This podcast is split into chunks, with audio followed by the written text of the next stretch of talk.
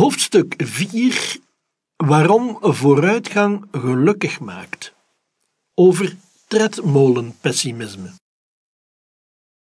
In het tijdperk van de democratie zijn de geneugten intenser dan in het tijdperk van de aristocratie, en het aantal mensen dat ervan kan genieten is oneindig veel groter. Tezelfde tijd moeten we erkennen dat hoop en verlangens vaker worden gefnuikt, dat de geesten verstoorder en rustelozer zijn en de zorgen prangender. Een citaat van Alexis de Tocqueville. In Through the Looking Glass van Lewis Carroll, het minder bekende vervolg op Alice in Wonderland, komen de stukken van het schaakbord tot leven. In één scène neemt de rode koningin heldin Alice bij de hand en beginnen ze te rennen. Sneller, sneller, roept de rode koningin. Alice doet haar best om bij te benen tot ze helemaal buiten adem is en even stilstaat om uit te blazen. Tot haar verbazing merkt ze dat ze zich nog steeds onder dezelfde boom bevinden. Wanneer ze de rode koningin daarop aanspreekt, roept die uit: Natuurlijk, of wat had je verwacht? Wel, legt Alice uit, in het land waar ik woon kom je, wanneer je een tijdje hard gaat rennen in een bepaalde richting, doorgaans op een andere plek uit dan waar je begon. Dat is nogal een traag land, snoeft de rode koningin, want hier moet je zo hard rennen als je kan, gewoon om op dezelfde plaats te blijven. De vooruitgang van de mensheid verliep de afgelopen twee eeuwen met een ontzettende vaart. Honderdduizenden jaren stonden we zo goed als stil, tot we rond 1800 uit de startblokken schoten. Maar zijn we ook ergens aanbeland? Of merken we als we even uitblazen dat we nog steeds op dezelfde plek staan, zoals Alice en de Rode Koningin? Met andere woorden heeft al die vooruitgang ons ook gelukkig gemaakt. Het is de vraag die in de mond van elke cultuurpessimist bestorven ligt. De stelling dat de moderne mens anno 2018 amper gelukkiger is dan vroeger, ondanks al zijn rijkdom en welvaart, is de belangrijkste vorm van tredmolenpessimisme over de vooruitgang. Het is tevens de ultieme toepassing van de wet van behoud van gezeik uit hoofdstuk 1.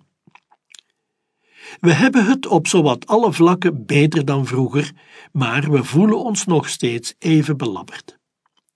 De westerse mens rent al twee eeuwen keihard in dezelfde richting, vervuld van geloof in vooruitgang en verbetering, maar waar het er echt toe doet, raakt hij geen meter vooruit.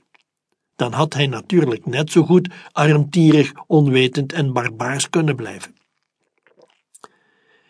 De filosoof Alexis de Tocqueville mijmerde in 1840 al over de eigenaardige zwaarmoedigheid die kenmerkend is voor welvarende democratische volkeren.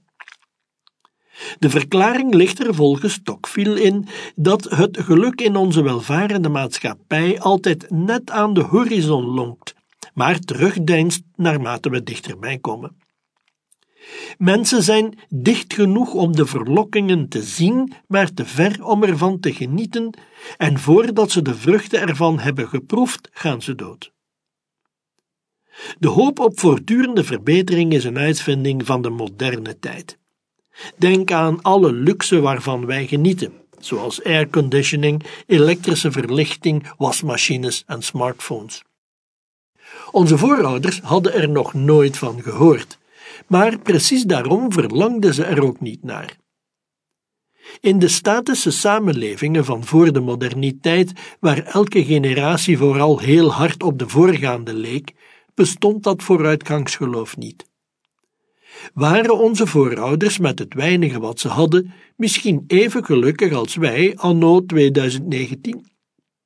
Natuurlijk, ze werden geteisterd door vreselijke ziekten en oorlogen, waardoor ze gemiddeld niet ouder dan 35 jaar werden. Daar staat echter tegenover dat ze in kleine, hechte en overzichtelijke gemeenschappen leefden, en dat ze geen rusteloos verlangen hadden naar steeds meer en steeds beter. De cultuurpessimist Paul Verhagen stelt het nog scherper. Nooit had de westerse mens het zo goed, nooit voelde hij zich zo slecht. In dat geval zijn we niet gewoon op dezelfde plek gebleven, maar bolden we zelfs achteruit. Dan waren we beter nooit op de trein van de vooruitgang gesprongen. Zoals de psycholoog Barry Schwartz het sarcastisch opmerkte: heb medelijden met die arme rijke mensen. Moeten we de Aziaten en Afrikanen waarschuwen dat economische ontwikkeling vergeefse moeite is? Moeten we de zogenaamde gelukzoekers die lijf en leden wagen om West-Europa binnen te geraken, terug naar hun land van herkomst sturen, gewoon voor hun eigen bestwil? Ik denk dat de zwartkijkers er helemaal naast zitten. Om dat te begrijpen moet ik echter een kleine omweg maken. Een zeer korte geschiedenis van geluk. Wat is geluk en hoe kun je het bereiken? Filosofen, als ook gewone stervelingen, reden twisten al millennia over deze vraag. De oude Grieken spraken over eudaimonia, letterlijk het welzijn van de geest.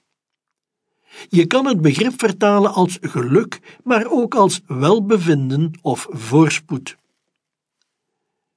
Aristoteles meende dat een uit eudaimonia kan bereiken door moreel deugdelijk te leven in overeenstemming met de reden. Daarnaast moesten we wel nog enkele randvoorwaarden vervullen, zoals een goede gezondheid en enig materieel comfort. De Stoïcijnen legden een nog grotere klemtoon op de deugd. De materiële randvoorwaarden waarover Aristoteles sprak, waren volgens de Stoïcijnen strikt gezien niet noodzakelijk om eudaimonia te bereiken. Een Stoïcijn probeert zoveel mogelijk onverschillig te blijven tegenover materiële welvaart en gezondheid, omdat je die zaken nu eenmaal niet in de hand hebt. Wie zijn welbevinden ervan laat afhangen, wordt een speelbal van het lot. Een wijze kan volgens de Stoïcijnse leer ook gelukkig zijn in tijden van tegenspoed. De derde belangrijke stroming van de oudheid was het epicurisme. Grondlegger Epicurus, een filosoof van eenvoudige komaf die les gaf in zijn eigen tuin, was een aanhanger van het atomisme, de leer die stelt dat alles wat bestaat en nooit zal bestaan, opgetrokken is uit levenloze, eeuwige en ondeelbare partikels. Het ideale leven, volgens Epicurus, is er een van zoveel mogelijk geneugde en zo weinig mogelijk kwellingen. Plezier is het hoogste goed, pijn het enige intrinsieke kwaad. Ook Epicurus pleitte voor een leven van morele deugden, zoals rechtvaardigheid, vriendschap en redelijkheid, maar ultiem waren dat voor hem slechts middelen om eudaimonia te bereiken en geen doelen op zich. De oude Grieken hadden dus uiteenlopende opvattingen over wat eudaimonia precies inhoudt en welke weg er naartoe leidt, maar ze waren eensgezind over het feit dat eudaimonia het hoogste goed is in een mensenleven. Gedurende meer dan een millennium gold in onze contraien echter een radicaal andere levensopvatting. In het christendom draait het leven niet om geluk, maar om de redding van de ziel. Dit aardse leven is slechts een tijdelijke beproeving voor het echte en eeuwige leven dat komen zal. Een goede christen streeft geen geluk na, laat staan aardse geneugten, maar vroomheid en godsvrucht. De echte gelukzaligheid wacht ons later aan gene zijde van deze wereld, althans voor de uitverkorenen. In tegenstelling tot de antieke wijsgeren zagen christenen ellende en lijden ook als intrinsiek zinvol. In de eerste plaats was het een verdiende straf van God voor de zondigheid en de verdorvenheid van de mens. En in de tweede plaats zagen ze rampspoed als een manier waarop God ons geloof op de proef stelt, ter voorbereiding van het laatste oordeel. Enkel wie de beproeving leidzaam ondergaat en standvastig is in zijn geloof, zal gered worden. En dan is er natuurlijk nog de kruisdood van Jezus. De belangrijkste gebeurtenis in de heilsgeschiedenis van de wereld, volgens het christelijk geloof, is een verschrikkelijke, urenlange marteling met wederopstanding erna. God verkoos het om mens te worden door Jezus Christus en om zichzelf op te offeren aan het kruis, opdat wij het eeuwige leven zouden krijgen. Dat de mens überhaupt verlossing kan krijgen, komt dankzij het onvoorstelbare lijden van Christus aan het kruis. Deze elementen zorgden samen voor een lijdenscultus die we ons nauwelijks nog kunnen voorstellen.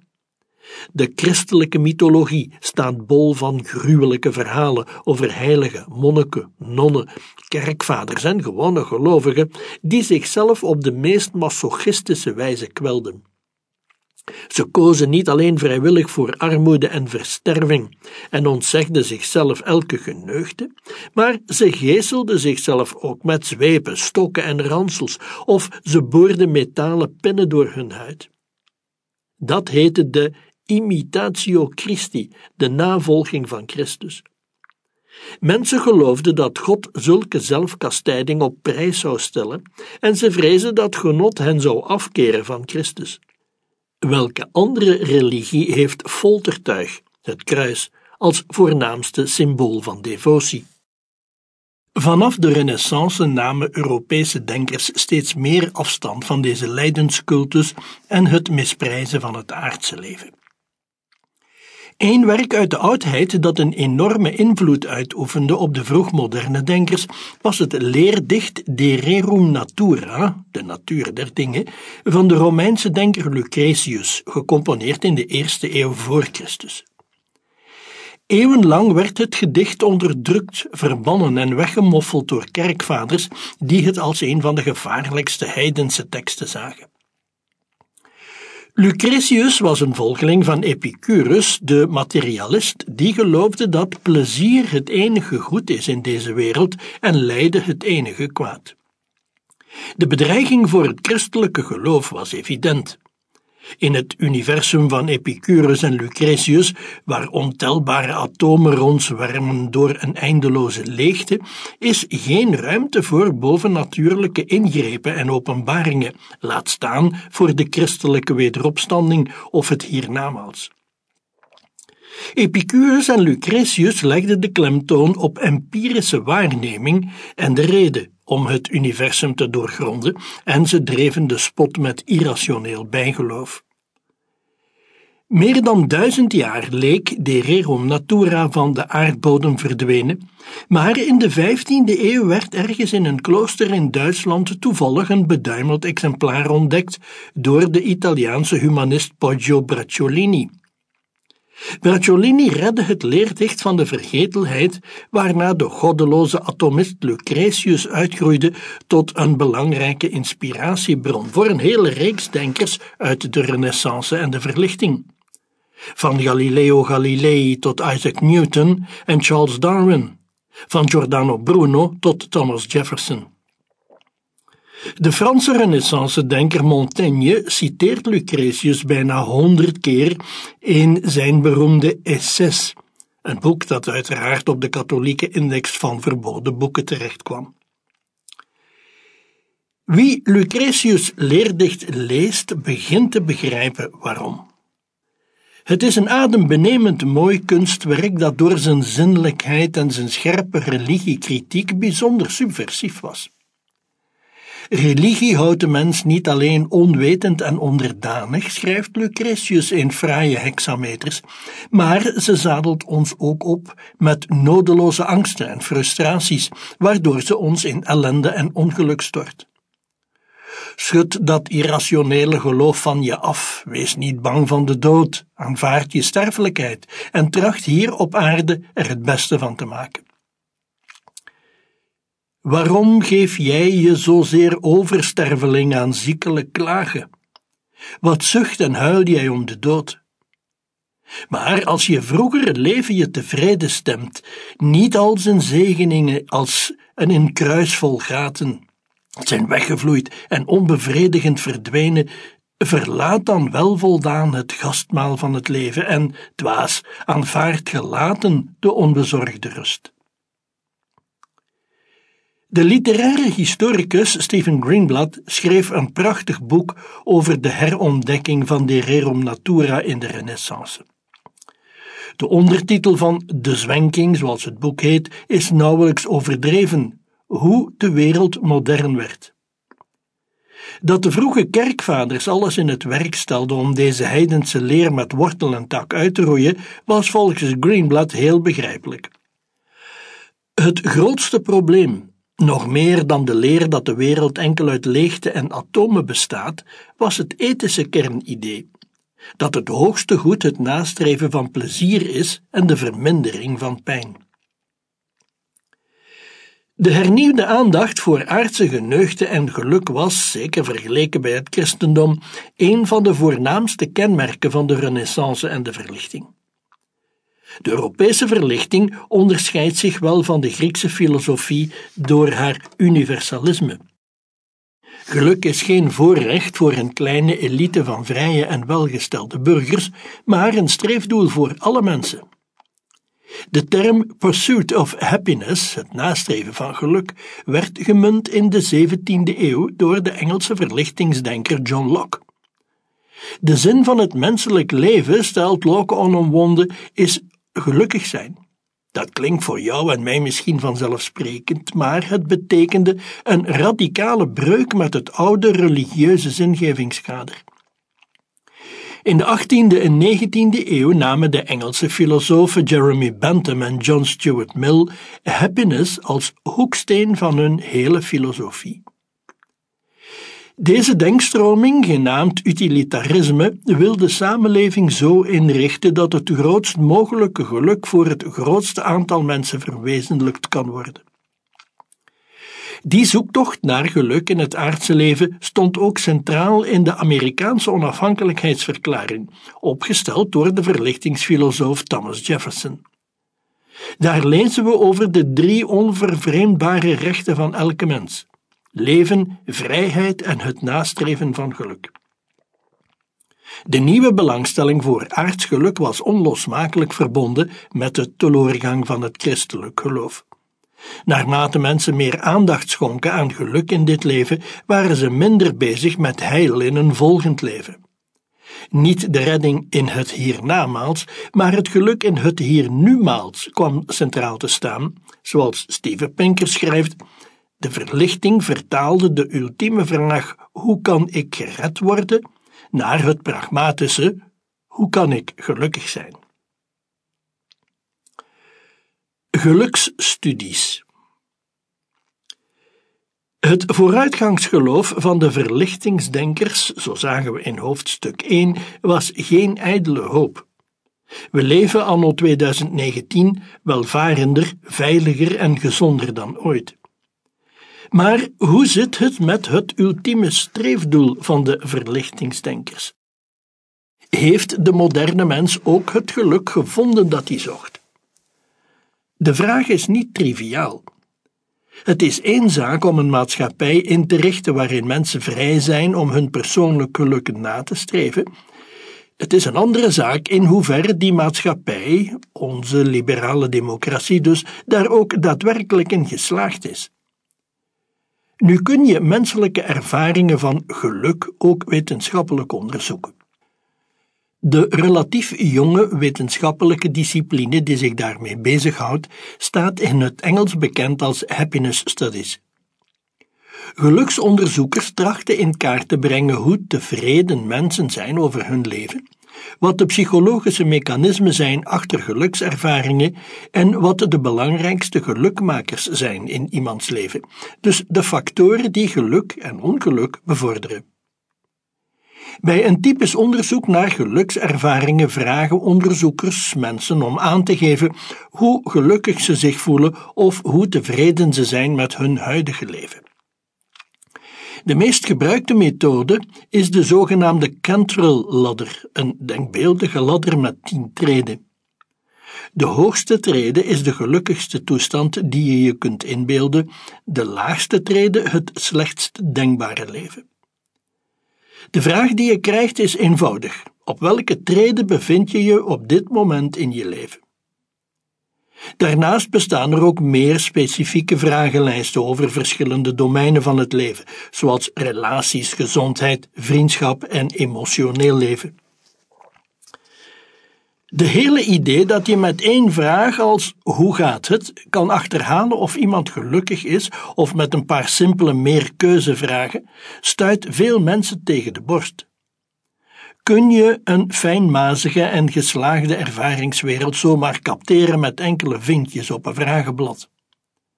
Sommige critici gaan nog verder. Wetenschap behoort zich enkel bezig te houden met objectieve en verifieerbare verschijnselen, en aangezien geluk een puur subjectieve ervaring is, valt het buiten het domein van de wetenschap. Die kritieken slaan de plank mis. Geluk is inderdaad niet direct waarneembaar, maar wetenschap laat zich voortdurend in met het onwaarneembare.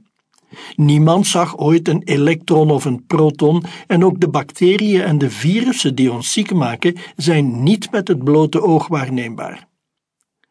De wetenschapstak van de psychologie is doordecemd met concepten die verwijzen naar zaken die je niet rechtstreeks kunt observeren. Emoties, overtuigingen, intenties, herinneringen. En dat geldt zelfs voor iets wat zo schijnbaar recht toe recht aan is als pijn. Of iemand pijn lijdt kun je niet direct waarnemen. Je kunt het hoogstens afleiden uit bepaalde gedragingen en tegenwoordig ook aflezen op functionele hersenscans. De enige mentale toestanden waartoe een wetenschapper directe toegang heeft, zijn die van haarzelf. Die van andere mensen kan ze enkel veronderstellen op basis van waarneembaar gedrag en achtergrondkennis.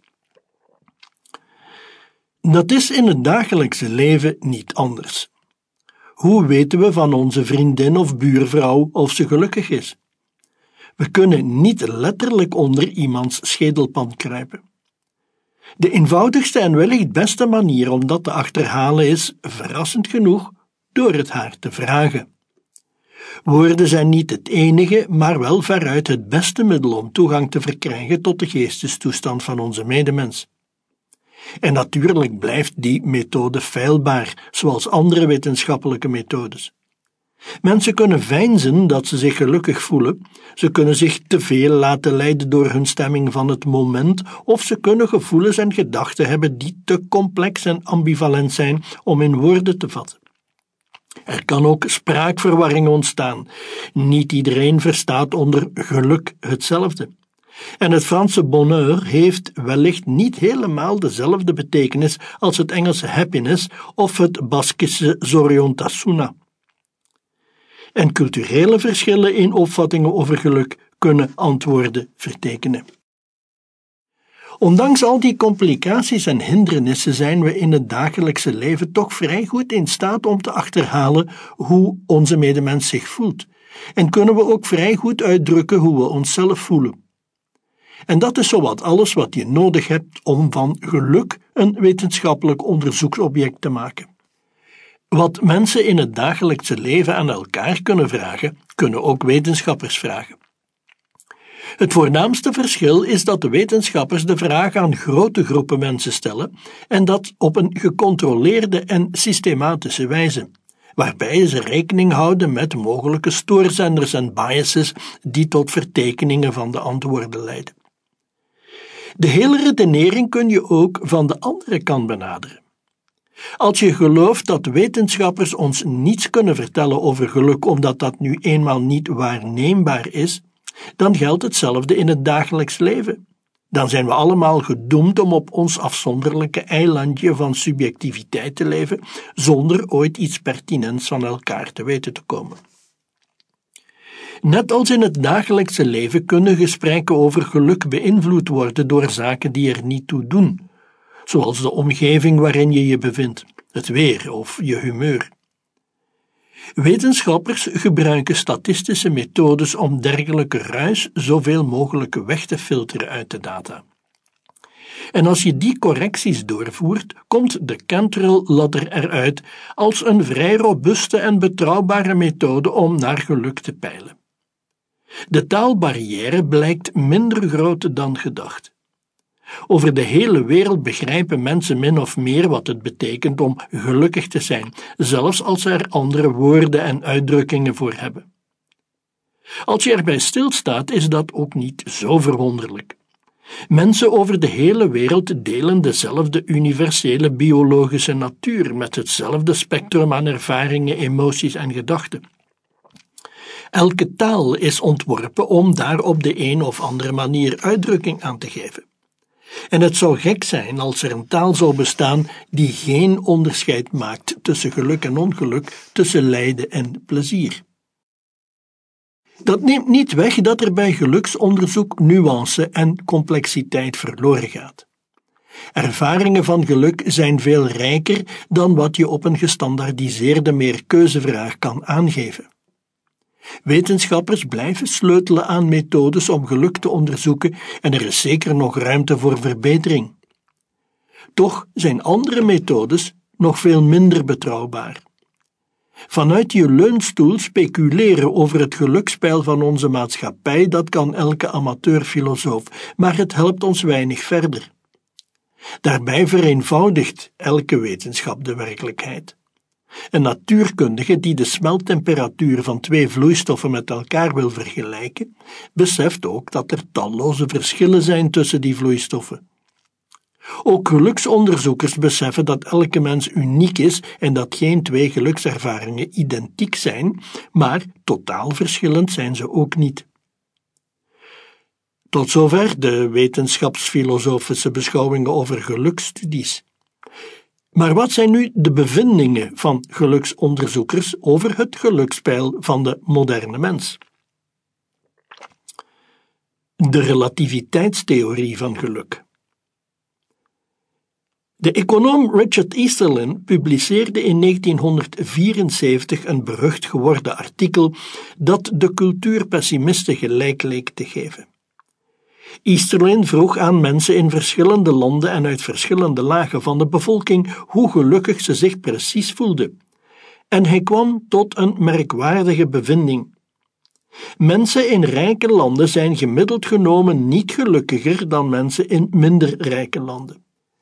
Gek genoeg vond hij op individueel niveau wel een verband tussen geluk en rijkdom. De rijke inwoners van een bepaald land voelden zich gelukkiger dan hun arme landgenoten. Hoe kan het dat rijkdom gelukkig maakt als je mensen vergelijkt, maar niet als je landen vergelijkt? De Easterlin-paradox zou zich ook in de loop van de tijd voordoen. In rijke westerse landen bleef het gelukspeil gedurende de afgelopen decennia nagenoeg constant, ondanks de forse stijging van de levensverwachting en materiële welvaart. De gangbare verklaring voor deze Easterlin-paradox bestaat uit twee componenten die samen leiden tot een soort relativiteitstheorie van geluk. De eerste valt eenvoudig samen te vatten. Hoeveel je ook hebt, je wil altijd meer en beter. Plotselinge meevallers, zoals een promotie op het werk, zorgen voor een tijdelijk opgekrikt gelukspeil, maar na verloop van tijd keer je terug naar je oorspronkelijke niveau. En datzelfde geldt in omgekeerde zin. Bij zware tegenslagen, zoals een auto-ongeluk, duikt ons gelukspeil naar beneden. Maar na een tijdje valt het weer in zijn plooi. Stel dat we vandaag een supergrote flatscreen TV cadeau krijgen. De komende weken en maanden zijn we daar allicht dolgelukkig mee, sommige mensen in elk geval, maar gaandeweg raken we gewend aan die uitmuntende beeldkwaliteit en dat grote scherm, waarna we terugzakken tot het gelukspeil van toen we naar de oude beeldbuis keken. Geluk, volgens deze theorie, is niets meer dan het verschil tussen je verwachtingen en je werkelijke toestand. Als je verwachtingen vervuld worden, ben je gelukkig. Maar aangezien je verwachtingen steeds mee opschuiven, is je gelukswinst niet duurzaam. Na een tijdje ga je weer terug naar af. Economen noemen dat de hedonistische tredmolen afgeleid van de Griekse term hedonē voor genot of geluk. Een hamster in een tredmolen blijft op dezelfde plek, net zoals Alice in het vreemde land van de Rode Koningen. De andere component in de relativiteitstheorie van geluk heeft te maken met het feit dat we een sociale diersoort zijn. Voor de mens is zijn medemens de maat van alle dingen. Als iedereen in je omgeving arm is, verwacht je zelf niet veel van het leven. Maar als je buurman veel poens hebt, begin je vanzelf hogere verwachtingen te koesteren. Deze theorie is verwant met de hypothese van Wilkinson en Pickett over statusangst, die ik besprak in het vorige hoofdstuk. Mensen voelen zich slecht, al dus deze theorie, als ze worden omringd door anderen die veel meer hebben dan zij. En als je die logica doortrekt, zie je al snel in dat het totale geluk in een samenleving altijd ongeveer gelijk moet blijven. Stel dat iedereen een stuk rijker wordt, in dat geval zal de sociale rangorde er nog steeds hetzelfde uitzien, waardoor het totale geluk in de samenleving gelijk blijft. Een stijgende vloed tilt alle schepen omhoog, zoals John F. Kennedy ooit zei. Bekeken vanuit je eigen bootje ziet alles om je heen er hetzelfde uit. Stel nu dat de ene persoon sneller rijk wordt dan de andere. In dat geval wisselen sommige mensen van positie in de sociale rangorde. De een wordt wat gelukkiger, de ander ongelukkiger.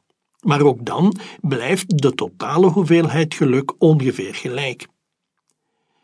In elke samenleving kan er maar één iemand zijn die rijker is dan alle anderen. Geluk is dan een maatschappelijk nulsomspel. De ene wint wat de ander verliest, de optelsom bedraagt altijd nul. Slotsom van de relativiteitstheorie: al die vooruitgang is vergeefse moeite. Het is dweilen met de kraan open, het is water naar de zee dragen, het is eindeloos ronddraven in een tredmolen. Het huidige geluksonderzoek. In werkelijkheid valt er heel wat af te dingen op deze relativiteitstheorie. Laat ik beginnen bij de beroemde bevinding van Easterlin. Een eerste probleem daarmee is dat zijn data vooral beperkt bleven tot landen die sowieso al behoorlijk rijk waren en zijn, zoals Japan en de Verenigde Staten. Op basis van deze data alleen is het hachelijk om algemene conclusies te trekken over de relatie tussen rijkdom en geluk. Om dat te doen moet je meer arme landen en ontwikkelingslanden betrekken in je analyse. En er was nog een ander serieus probleem. De vragen die door de enquêteurs werden voorgelegd waren niet altijd en overal dezelfde.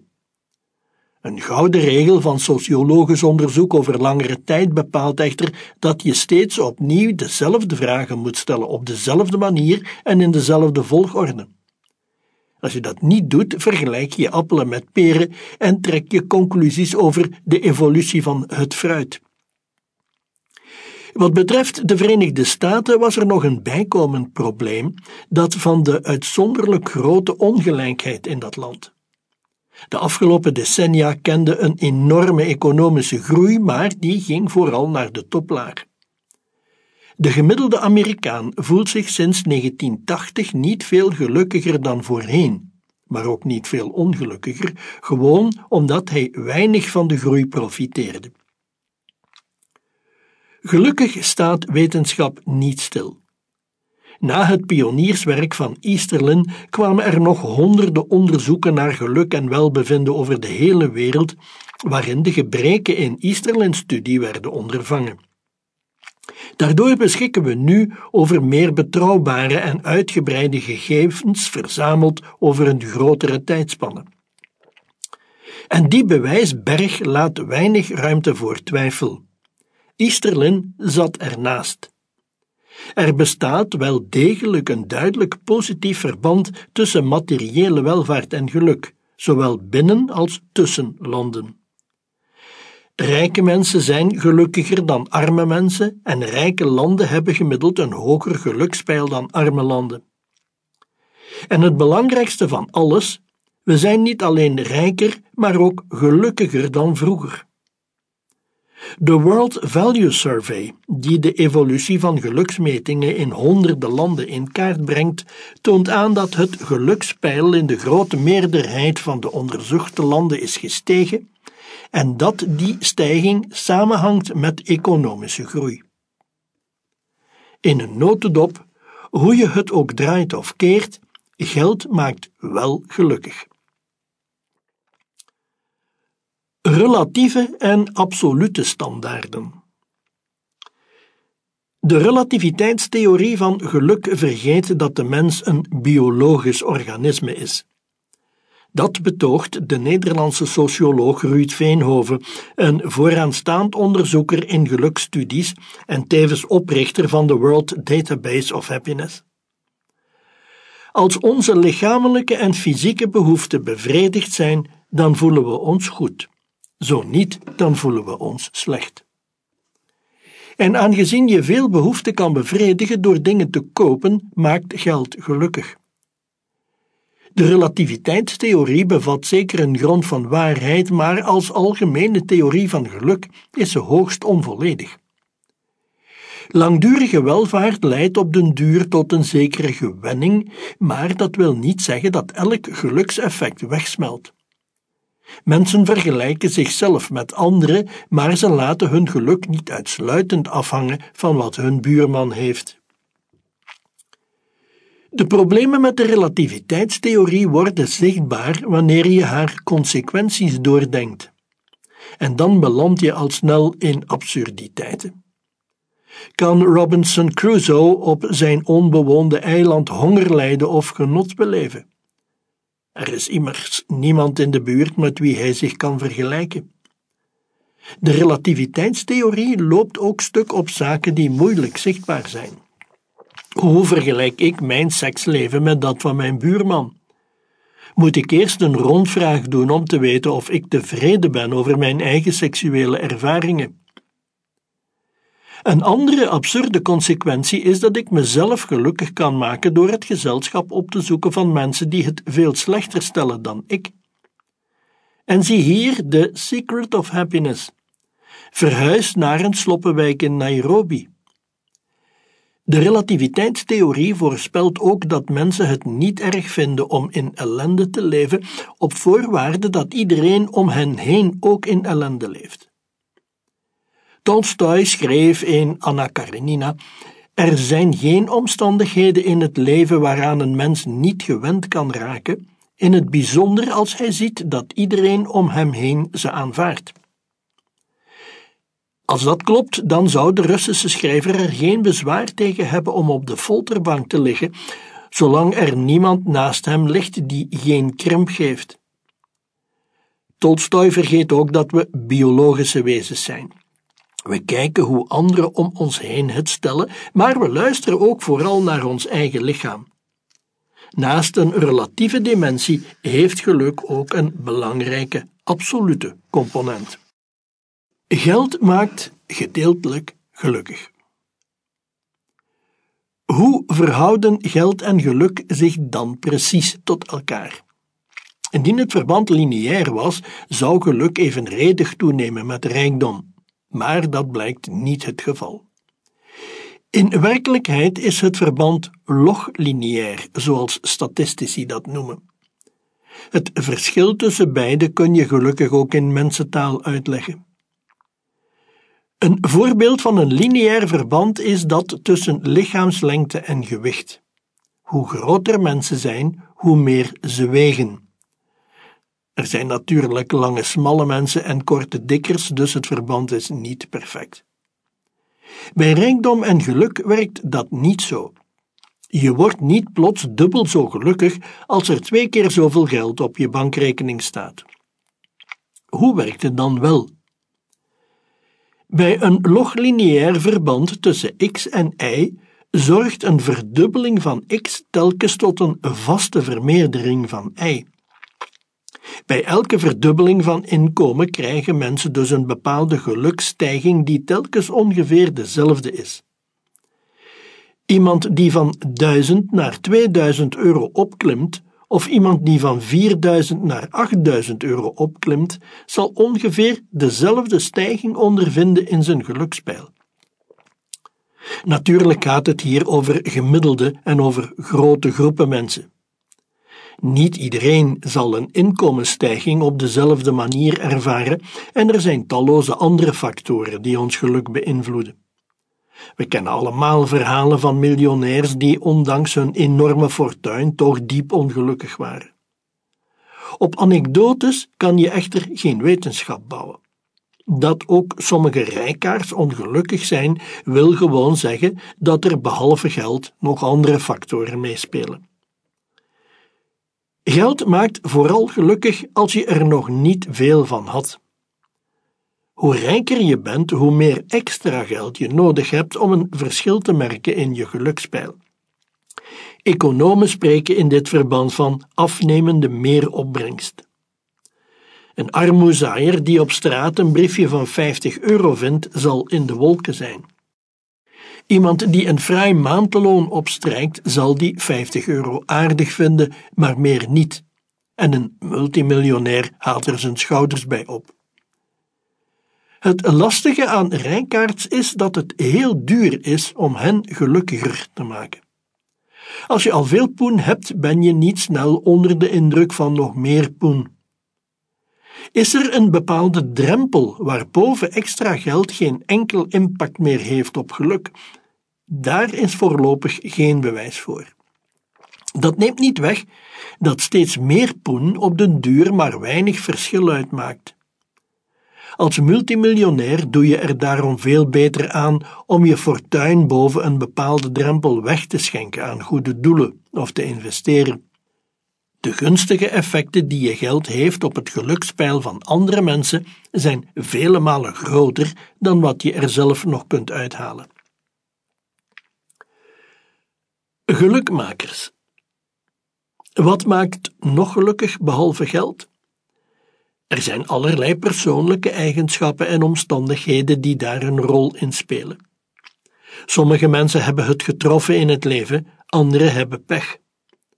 Sommigen maken wijze levenskeuzes, anderen nemen lichtzinnige beslissingen die ze zich achteraf beklagen. Net zoals bijna alle mentale eigenschappen heeft geluk ook een erfelijke component. Sommige mensen hebben van nature een aanleg voor geluk, terwijl anderen net vatbaar zijn voor chronische depressies. Geluk correleert ook met allerlei persoonlijke eigenschappen. Extraverte mensen zijn bijvoorbeeld gelukkiger, net zoals optimisten. Intelligente mensen zijn, in tegenstelling tot wat vaak wordt aangenomen, gelukkiger dan minder intelligente. En mensen worden ook gelukkiger naarmate ze ouder worden. Belangrijk is dat er ook gelukmakers zijn die zich op het niveau van de hele samenleving situeren. De auteurs van het laatste World Happiness Report, de bekendste internationale vergelijkende studie van geluk, onderscheiden zes cruciale geluksmakers die samen de internationale verschillen in gelukspeil verklaren. De belangrijkste zijn inkomen en levensverwachting, die samen de helft van het verschil verklaren. De andere vier hebben eerder te maken met het sociale weefsel van een samenleving. Een ervan is de mate van sociaal vertrouwen, onder meer vertrouwen tussen mensen, vertrouwen in politie en gerecht en de afwezigheid van corruptie in de politiek en het bedrijfsleven. Goede sociale relaties vormen een andere belangrijke gelukmaker. Mensen die weten dat ze op anderen kunnen rekenen wanneer ze in de penarie zitten, voelen zich een stuk gelukkiger. En een derde verrassende gelukmaker is generositeit. Mensen die geld schenken aan liefdadigheid en die aan vrijwilligerswerk doen, hebben een hoger gelukspeil. Dat effect blijft zelfs bestaan als je rekening houdt met persoonlijke rijkdom. Want rijke mensen hebben natuurlijk ook meer geld om weg te schenken. En hoe meer je weggeeft, hoe meer je geluk in ruil krijgt. Op dit punt kom ik terug in de epiloog van dit boek. De laatste factor in de analyse is de vrijheid om te leven zoals je wil. De politicoloog Ronald Engelhart stelt dat ons gelukspeil sterk samenhangt met een gevoel van persoonlijke vrijheid. Vrijheid is niet alleen waardevol voor zover ze je toelaat de dingen te kiezen waar je gelukkig van wordt, maar de aanwezigheid van vrijheid is op zichzelf ook een gelukmaker. In een samenleving waarin we eigen levenskeuzes kunnen maken, voelen we ons gelukkiger, zelfs als die keuzes af en toe verkeerd uitdraaien. Jan Bernheim en Francis Heilige van de Vrije Universiteit Brussel onderzochten het verband tussen subjectief welbevinden in landen enerzijds en objectieve ontwikkeling anderzijds. Hun conclusie luidt dat onze liberale vrijheden, zoals verankerd in de Universele Verklaring van de Rechten van de Mens, een aantoonbaar positief effect hebben op het gelukspeil van burgers. Dat onderzoek levert een mooi bewijs dat de Universele Verklaring van de Rechten van de Mens niet zomaar een vrijblijvende oefening is in abstracte idealen, maar een beproefd recept voor geluk. Ruud Veenhoven heeft berekend welke componenten het grootste verschil in het gelukspeil tussen landen verklaren. Als je materiële levensstandaard, democratisch gehalte en de graad van vertrouwen samenneemt, kan je al ongeveer 75% van de nationale verschillen in geluk verklaren. Technisch gezien heet dat de statistische variantie. Dat alles betekent dat de overheid een aanzienlijke impact kan uitoefenen op het gelukspeil van haar burgers. De econoom Richard Layard schrijft dat het bruto nationaal geluk, dus de totale hoeveelheid geluk in een samenleving, het voornaamste streefdoel van politiek beleid zou moeten zijn, minstens even belangrijk als het klassieke bruto nationaal product. Levensverwachting en gezondheid kunnen we uiteraard verbeteren door betere medische zorg en terugbetalingen, door preventie- en gezondheidscampagnes, bijvoorbeeld tegen roken en obesitas, door meer veiligheid in het verkeer, minder milieuvervuiling, voedselveiligheid enzovoort. Interpersoonlijk vertrouwen kun je bevorderen door corruptie en criminaliteit te bestrijden, door een efficiënt en rechtvaardig strafrecht en door gemeenschapsvorming in het onderwijs en sociale integratie voor nieuwkomers. Natuurlijk kan het niet de bedoeling zijn dat vadertje staat zich met ons persoonlijke leven bemoeit en in onze plaats beslist waar ons geluk te vinden is. Dergelijk paternalisme druist in tegen de waarde van de persoonlijke vrijheid, zelf trouwens een van de belangrijkste gelukmakers van een samenleving. Mensen moeten een zekere vrijheid blijven genieten om stommiteiten te begaan, om hun eigen leven desnoods te verknoeien en om zichzelf en anderen ongelukkig te maken. Dat is de prijs die we betalen voor vrijheid. Het World Happiness Report bevat elk jaar een ranglijst van de geluksscores in landen over de hele wereld. Die worden telkens opnieuw door de liberale democratieën aangevoerd, voornamelijk in West-Europa en Scandinavië. In 2017 stonden Noorwegen, Denemarken, IJsland en Zwitserland helemaal bovenaan. Nederland stond op 6 België op een verdienstelijke zeventiende plaats. De hekkensluiters van de gelukslijst waren Syrië, Tanzania, Burundi en de Centraal-Afrikaanse Republiek. En de verschillen tussen top en bodem zijn groot. De gemiddelde geluksscores bovenaan bedragen meer dan het dubbele van die onderaan. Natuurlijk leven er in Noorwegen en Nederland nog altijd mensen die zich diep ongelukkig voelen en in Burundi mensen die relatief gelukkig zijn. Maar dat neemt niet weg dat de gemiddelde verschillen tussen landen duidelijk, consistent en aanzienlijk zijn en dat ze de hypothese van westerse cultuurpessimisten weerleggen. Mensen die in welvarende democratische landen wonen zijn gelukkiger dan waar ook ter wereld. En de zogenaamde gelukzoeker die naar onze contraien trekt voor een beter leven? Onderzoek wijst uit dat ze dat geluk niet alleen zoeken, maar ook vinden. Als migranten in westerse landen aankomen, hebben ze een gelukspeil dat vergelijkbaar is met dat van hun thuisland. Na verloop van tijd echter klimt hun gelukspeil naar het gemiddelde van het gastland. Geen wonder dat ze naar hier willen komen. Ranglijst. En hoe zit het eigenlijk met de invloed van economische ongelijkheid op geluk? Volgens de theorie van Wilkinson en Pickett, die ik in het vorige hoofdstuk besprak, leidt ongelijkheid in een samenleving tot statusangst, onzekerheid en een lager zelfbeeld. Je zou dus verwachten dat mensen in een ongelijke samenleving ook ongelukkiger zijn.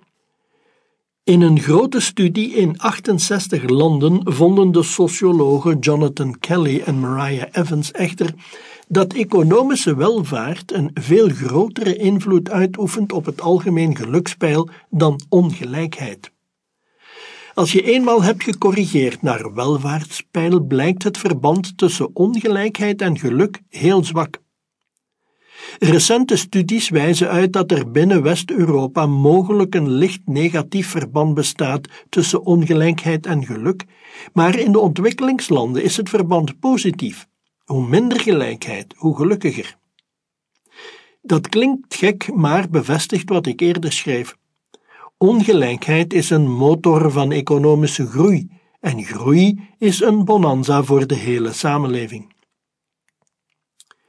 Interessanter is de maatschappelijke ongelijkheid in geluksscores zelf, dus de kloof tussen de gelukkigste en de minst gelukkige mensen in een samenleving. Een hoog gemiddelde kan immers grote verschillen tussen mensen camoufleren. In westerse samenlevingen zien we dat de kloof tussen gelukkige en ongelukkige de afgelopen decennia is versmalt. En dat heeft onder meer te maken met de verbeterde positie van van ouds achtergestelde bevolkingsgroepen. In de Verenigde Staten voelden zwarten zich bijvoorbeeld lange tijd ongelukkiger dan blanken, om nogal begrijpelijke redenen, maar inmiddels hebben ze twee derde van de gelukskloof met de blanken gedicht. Gemiddeld genomen zijn blanke Amerikanen nog altijd iets gelukkiger dan zwarte, maar het verschil is al sterk gekrompen. Die versmalling van de gelukskloof is voor iedereen een goede zaak, want onderzoek wijst uit dat een kleinere gelukskloof op zijn beurt een positieve invloed heeft op het algemene gelukspeil van de samenleving. De enige vraag die nog rest: wat als we met z'n allen uiteindelijk ons geluk bereiken? Wat als iedereen binnenkort in vrije, rijke, democratische samenlevingen leeft, vol vertrouwen en voorspoed? Is dat waar het werkelijk om draait? De filosoof Francis Fukuyama schetste dit schrikbeeld aan het einde van zijn beroemde boek The End of History and the Last Man, waarin hij de finale overwinning van de liberale democratie voorspelde. Als de geschiedenis ten einde komt en de liberale democratie definitief heeft gezegevierd, dan bestaat het gevaar dat ons geluk leeg en oppervlakkig zal zijn. Fukuyama schrijft: Is dit echt waar het menselijke verhaal van de afgelopen millennia omdraaide? Moeten we bang zijn dat we gelukkig en tevreden zullen zijn over onze situatie, niet langer menselijke wezens, maar dieren van het geslacht Homo sapiens? De Franse filosoof Pascal Bruckner vaart in zijn boek L'euphorie perpetuelle uit tegen onze moderne obsessie met geluk, die verworden is tot de enige horizon van onze democratieën. De moderne mens zou gebukt gaan onder de plicht om gelukkig te zijn. Net als vele andere cultuurpessimisten verwijst Bruckner naar de dystopie van Brave New World in deze roman spiegelt Aldous Huxley een toekomst voor waarin mensen zichzelf afstompen met zaligmakende drugs, soma.